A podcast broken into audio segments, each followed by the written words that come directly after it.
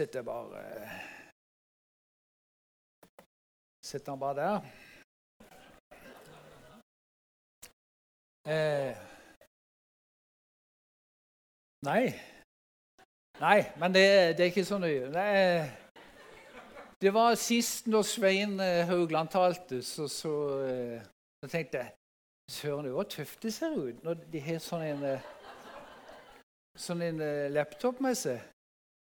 Så jeg tenkte det skal jeg jammen ha. Og så hadde jeg med Sist når jeg talte, det var, eh, det var vel først i serien i Peters brev. Og da, da var det dåpsfølge her. Og de måtte jo tenke eh, Hva er det med han? De kjente jo ikke meg. Så, og du som ikke kjenner meg altså det, det, er liksom litt sånn min form for humor. Jeg sier jo meg sjøl er enkel, men ikke dum. Men så kan du jo begynne å lure på det òg, da. Liksom om, er, om jeg er både enkel og dum. Eh, men fordelen med å ha den stående sånn, med svart skjerm, det er jo at det skjer jo ikke noe galt.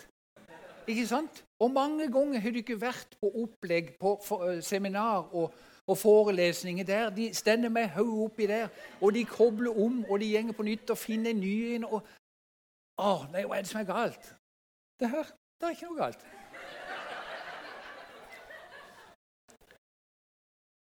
Nok av det. Eh, altså, dette er, en, dette er jo en, tekst om lidelse. Og jeg sa til kona mi altså, jeg må jo ha humor med uansett det. Altså, ikke om lidelse, men jeg må ha humor med når jeg skal tale. så må jeg, jeg, må, jeg må le. For det gjør jeg mye til, til vanlig. Og jeg tenker, skal vi ikke være den vi er? Og skal ikke jeg være den jeg er når jeg er her i Guds hus, som jeg er på barnehagen? For jo, selvfølgelig skal jeg det. Jeg skal være den mannen som har humor, og som har det ganske gøy. Teksten i dag er fra 1. Peter 4,12.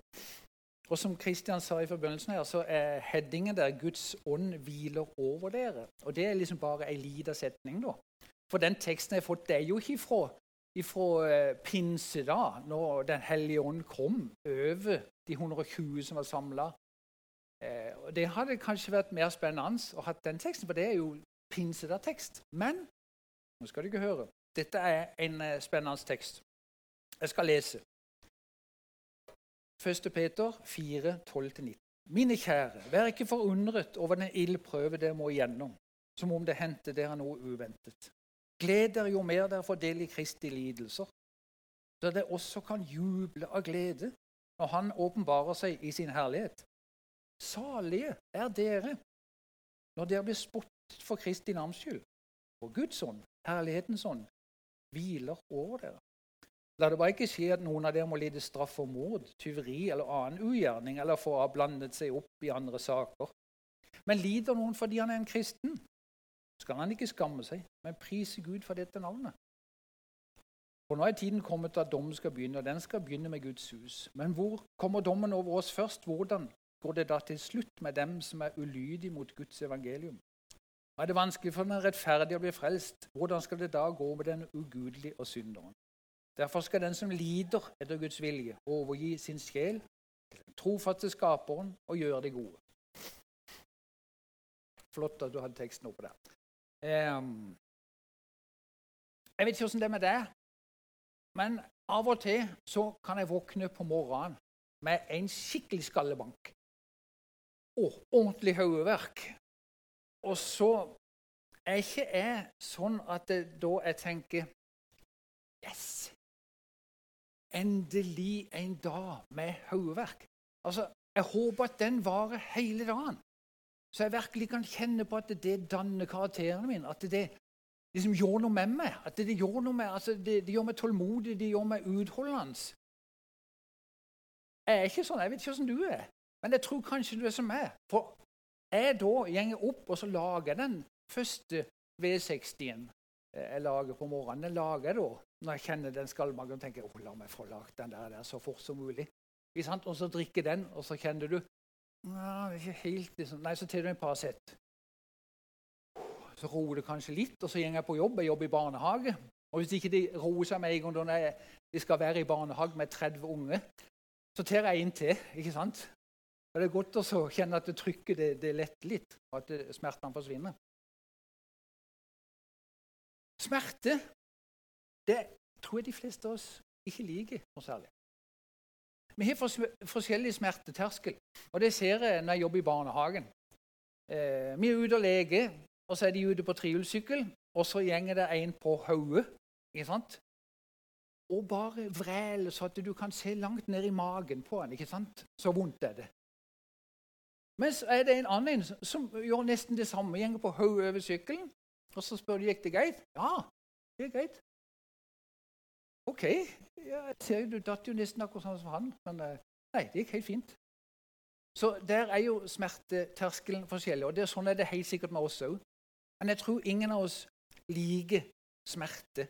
Vi liker ikke å ha det vondt. Vi liker ikke å ha det ubehagelig. Men det er forskjell på smerte, det er forskjell på vondt og ubehagelig, og så er det lidelse. Liksom, lidelse er hakket opp, vil jeg si. Lidelse er liksom noe annet. Det kan være en lidelse å se når Norge spiller fotball uten Erling Braut Haaland. Men det er liksom Det er ikke Vi bruker jo lidelse i sånn sammenheng òg, men det, det, blir ikke riktig. Men lidelse er noe mer enn å ha det vondt. Altså, Du kan ha stein i skoen og gå med den en stund, men, ja, og det er kjempevondt. Men det er jo ikke en lidelse. Du, du, du tar av skoen og tømmer det ut, og så går du videre. Eh.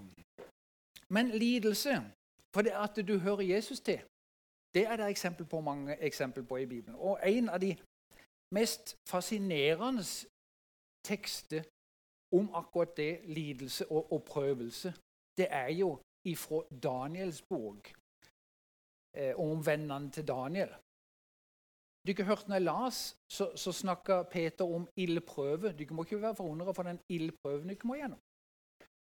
Eh, jeg tror mange som hørte det, eller las det og hørte det brevet, tenkte da tilbake på ildprøven som vennene til Daniel var utsatt en som heter kong Nebukaneser, han hadde lagd en statue. Det var jo sånn stormannsgalskap. Han var 30 meter høy og 3 meter brei. Og der sto det at eh, når dere hører lyd av all slags instrumenter, så skal dere falle på kne, og så skal ikke tilbe den statuen. Ja, det var greit. Det gikk ut eh, beordring om det, og folk var, var klar over det. Eh, men så kommer det bud til kongen at det er tre stykker som ikke gjør dette. Det er tre som ikke vil bøye kne. Det er Shadrach, Mesak, Abednego. Det er vennene til Daniel. Og Han kaller de inn på teppet. Og jeg ser for meg, da Da kunne jo det skjedd at han kaller de inn, og så sier han du eh, nå har jeg hørt det, det er sikkert bare rykte, men jeg har hørt at eh, dere, falt ikke på kne når dere hørte eh, musikken fra instrumentene. Er det sant? Så kunne de jo sagt nei, er du gal?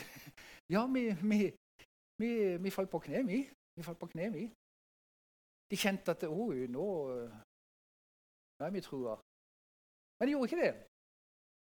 Han sa ja, hvis det nå sånn er at dere likevel hører det og faller på kne, så er det greit. Men hvis ikke dere faller på kne når den lyden kommer, så skal dere i ilden. Og så, så, svarer de jo fantastisk eh, til kongen. Det er klart at han, eh, han klikka jo fullstendig. Shadrach, Mesak Abnego svarte kongen Nebukadneser. Vi behøver ikke svare deg på dette. Altså, det er bare det er jo majestetsfornærmelse. ikke sant? Snakke sånn til en konge. Om den Gud vi dyrker, kan berge oss ut fra ovnen med flammende ild og fra din hånd, konge, så vil han berge oss. Tenker, ja, det kan han gjøre. Ja, det har han makt til. Hvis han vil. Og så sier de om han ikke gjør det, skal du vite, konge, at vi likevel ikke vil dyrke din Gud og ikke tilbe gullstatuen som du har reist. Da stender det at kongen Nebukadneser ble så sinna. Han ble så fylt av raseri at hele ansiktet ble helt fordreid. Og Han befalte at den ovnen skulle varmes opp syv ganger mer enn det han pleide.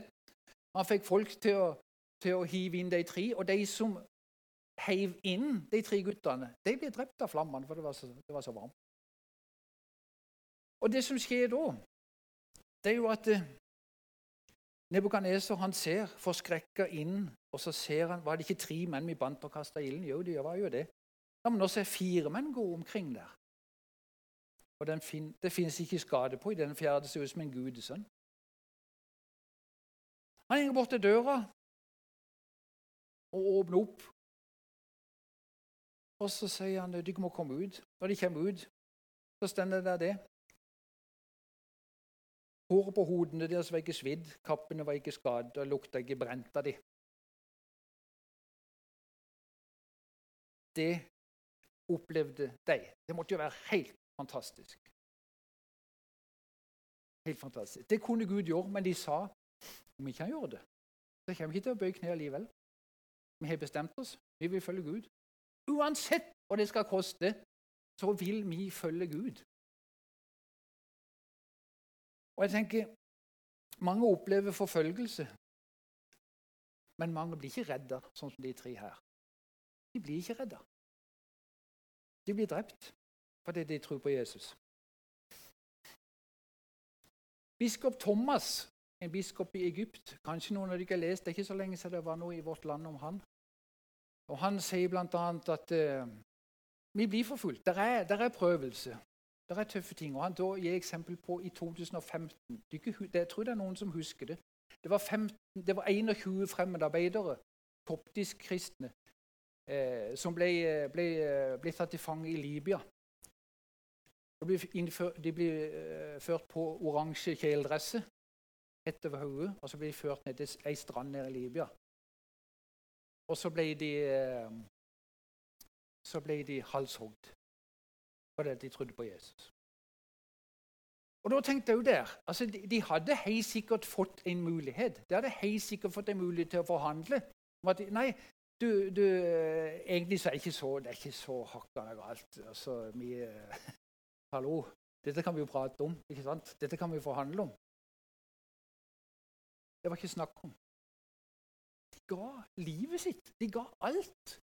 Jeg tenker, hadde jeg gjort det? Hadde du gjort det? Hadde du blitt stilt fram sånn og måtte ta et valg? Noen tall ifra Åpne dører. Hvor mange ble drept for trua si i fjor? Ifølge Åpne dører Åpne dører er en organisasjon som, som støtter forfulgte kristne rundt om i verden. 5621 ble drept for trua si i fjor. 360 millioner opplever svært høy grad av forfølgelse. 600 og, nei, 360 millioner mennesker. Det er ufattelig mye. 15 kristne drepes hver dag. 2110 kirker angripes, an, ble angrepet i fjor.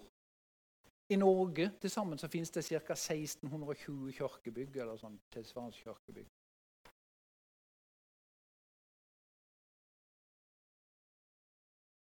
En fra Nepal som heter Timothy Mager, han ble fengsla i 2018. Han skrev da Jeg mista alt. Jeg mista alt. Men når du mister alt, er det for at Gud skal bygge deg opp igjen. sier han. Kan du tenke det? Kan du tenke det for en tro? Kan du tenke det for en overgivelse?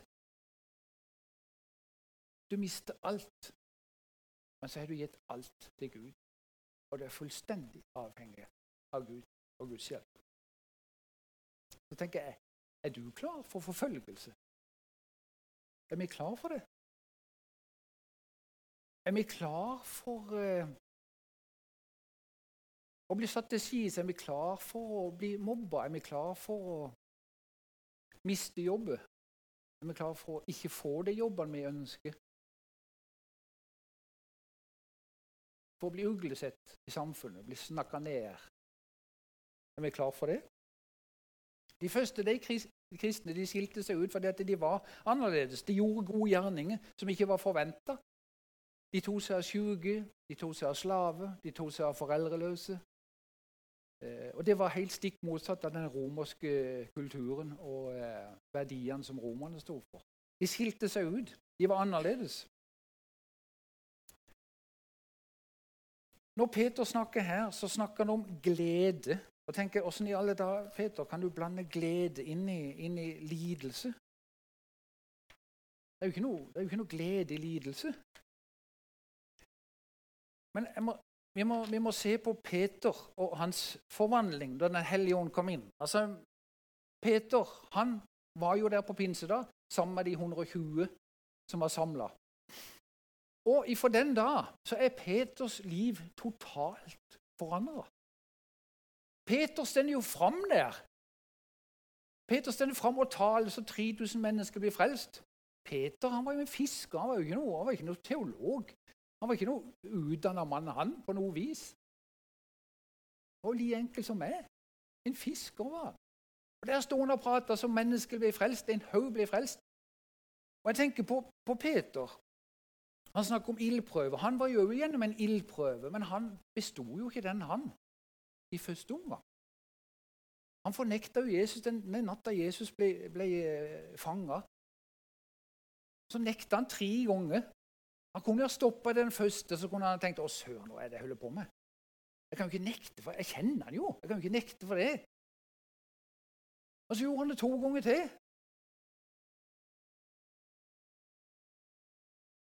Men Peter kan med fremodighet snakke om, om ildprøven her. For hans liv ble forvandla. Først fikk han oppreisning av Jesus. Jesus tilga han. Og Peter, hans, hans liv ble totalt forandret når Den hellige ånd kom inn. Eh, hans liv var så fylt med kraft at han, eh, han levde helt annerledes etter pinsedag. Og Den hellige ånd den er ute etter, ute etter å forandre oss. Den hellige ånd har kommet for å hvile over oss. Eh, og når jeg tenker på å hvile over oss, å være der, ta bolig Så er det ikke som når vi reiser på ferie. Du og jeg reiser på ferie, så reiser vi med én eller to kofferter. Og så reiser vi, og så kommer vi til hotellet, og så pakker, noen ganger pakker vi ut, og andre ganger så pakker vi nesten ikke ut engang. Vi har det bare i kofferten, ikke sant? for det er enkelt. Du bare bretter ut, for det er lite plass i Det er jo ikke noe skapplass og sånn. Så vi har liksom bare, Det er sjeldent vi har med oss familiebildet liksom når vi er 14 dager vekk, at vi gjør det litt sånn koselig og sånn. Men vi vet at her skal vi bare være en stund. Men Den hellige ånd, han har flytta inn i Rønningsvei 13. Det er der jeg bor. Og han har tatt bolig i meg, og han har tatt bolig i deg, du som har tatt imot Jesus som din frelser. Og Det som er så fint, det er det bare at, at, at han kommer ikke bare på besøk. Altså, Han kommer ikke liksom når du har tiårsjubileum, at du har vært kristen i ti år. Så kommer han, og så får du liksom et sånn koselig besøk av Den hellige ånd. Du kjenner liksom wow, litt sånn gode følelser, og så er han vekke. Eh, nei, Den hellige ånd tatt bolig. Han er kommet for å bli. Han er pakka ut og skal være der. Han skal ikke noe plass. Han skal ingen plass. Han skal være hos deg. Han skal være i ditt hus. Han skal være i ditt liv. Og han ønsker bare at du skal la deg fylle av hans kraft. Jeg har sagt det før, og jeg opplevde det i 94, at jeg hadde om ikke holdt på å miste troa, så hadde jeg det i hvert fall forferdelig eh, vanskelig. Og ba til Gud at Gud, eh, nå ser du, jeg er tom for krefter. Jeg klarer ikke mer. Jeg var i Ecuador, og vi hadde bedt for masse folk. De hadde bare dødd. Og tenkte ja, nei, dette funker ikke. Og så, eh, så sa Gud jeg, jeg må ha en bekreftelse på at du lever. Jeg må ha en bekreftelse på at du er der hos meg. Hvis ikke så må jeg bare reise hjem. Og så var det nesten med en gang at jeg kjente Jeg kjente en strøm inni meg. Og da, når jeg leser nå Johannes 7, 37 og 38 om når Jesus på den siste dag i høytida stender fram, at han stender fram, og så roper han Den som er tøst, han skal komme til meg og drikke. For fra hans indre skade, som Skriften har sagt, renner strømmer av levende vann eller renner elver. Og da kjenner jeg Da kjenner jeg det. Jeg kjenner det nå. Jeg kjenner at det, det lever. Og det er fantastisk å kjenne på det. At det er Den hellige ånd som lever i meg. Og hver gang det blir lest, det verset, spesielt det verset, så, kommer, så kjenner jeg det. Jeg kan høre det på radio. Jeg kan høre andre som taler det. Er noen som leser det? Merkelig jeg òg. Men så kommer, kommer de bølgene, kommer de der elva med levende vann. Jeg tenker på det som skjedde i etterkant av de 21 som ble drept, som ble halshogd. Det var journalister som ville prate med de etterlatte. Eh, og i den kulturen så kunne de jo tenke at eh, da er det hevn.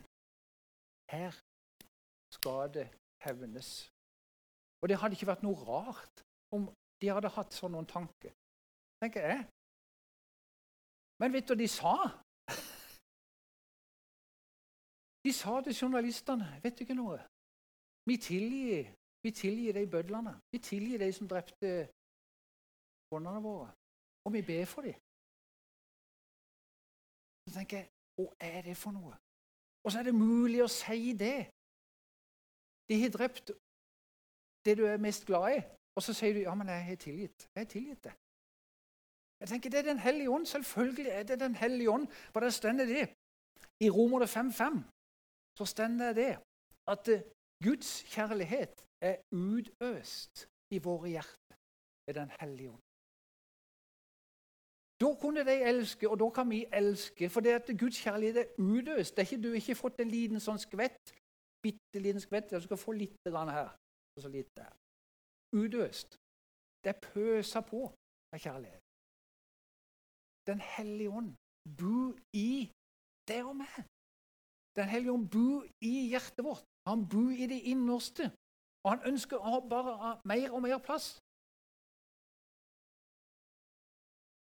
Pinse Altså, pinse skal vi jo ha hele året, tenker jeg. Pinse, Vi skal snakke om Den hellige ånd hele året. Vi skal være fylt med Den hellige ånd hele året. Det er ikke bare pinsa. Da liksom skal vi ha spesielt fokus på Ja, det er jo Den hellige ånd. Ja visst det, det. Må vi ikke glemme det. Det er jo ikke det. Vi glemmer jo ikke det. For det er jo det det dreier seg om hver dag. Det er jo Den hellige ånd. Den hellige ånd må lede oss. Denne hellige ånd må drive oss. Denne hellige ånd må prege oss. Den hellige ånd må fylle oss med kraft, og det trenger jeg. trenger Jeg trenger så inderlig at Den hellige ånd fyller meg opp. Åh, som jeg lengter etter å se. Se mer av Den hellige ånds kraft iblant oss. I mitt eget liv og iblant oss som menighet. Se Gud gripe inn. Åh, jeg kjenner på det. Jeg lengter til det. Jeg håper du kan kjenne på noe av den lengten. Å, Hellige kom og rør med oss. Kom og rør med vår liv.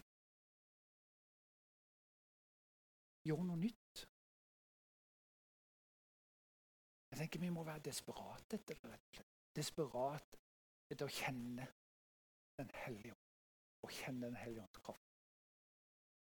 Jesus, jeg takker deg for at uh, du er her. Jeg takker deg for uh, at du sier ditt ord, at du vil ikke uh, du vil ikke la oss igjen som foreldreløse barn, men du skal komme til oss. Og du skal ta bolig i oss. Og vis denne der. Vi skal komme og ta bolig hos ham og hos henne. Takk, Jesus, for at du har kommet. Takk, Hellige Ånd, for at du har kommet og tatt bolig. Du bor i oss og skal bo i oss. Du har pakka ut.